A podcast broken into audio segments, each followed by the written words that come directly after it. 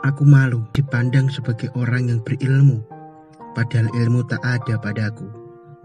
Mereka memberi gelar ini dan itu, padahal gelar itu pun tak pantas untukku. Aku malu. Mereka memuji dakwah dan tulisanku, padahal itu hanyalah dakwah si fakir ilmu, hanya tulisan si pendosa yang rapuh. Betapa malunya diriku. Pujian itu mengiris hatiku menampar jiwaku.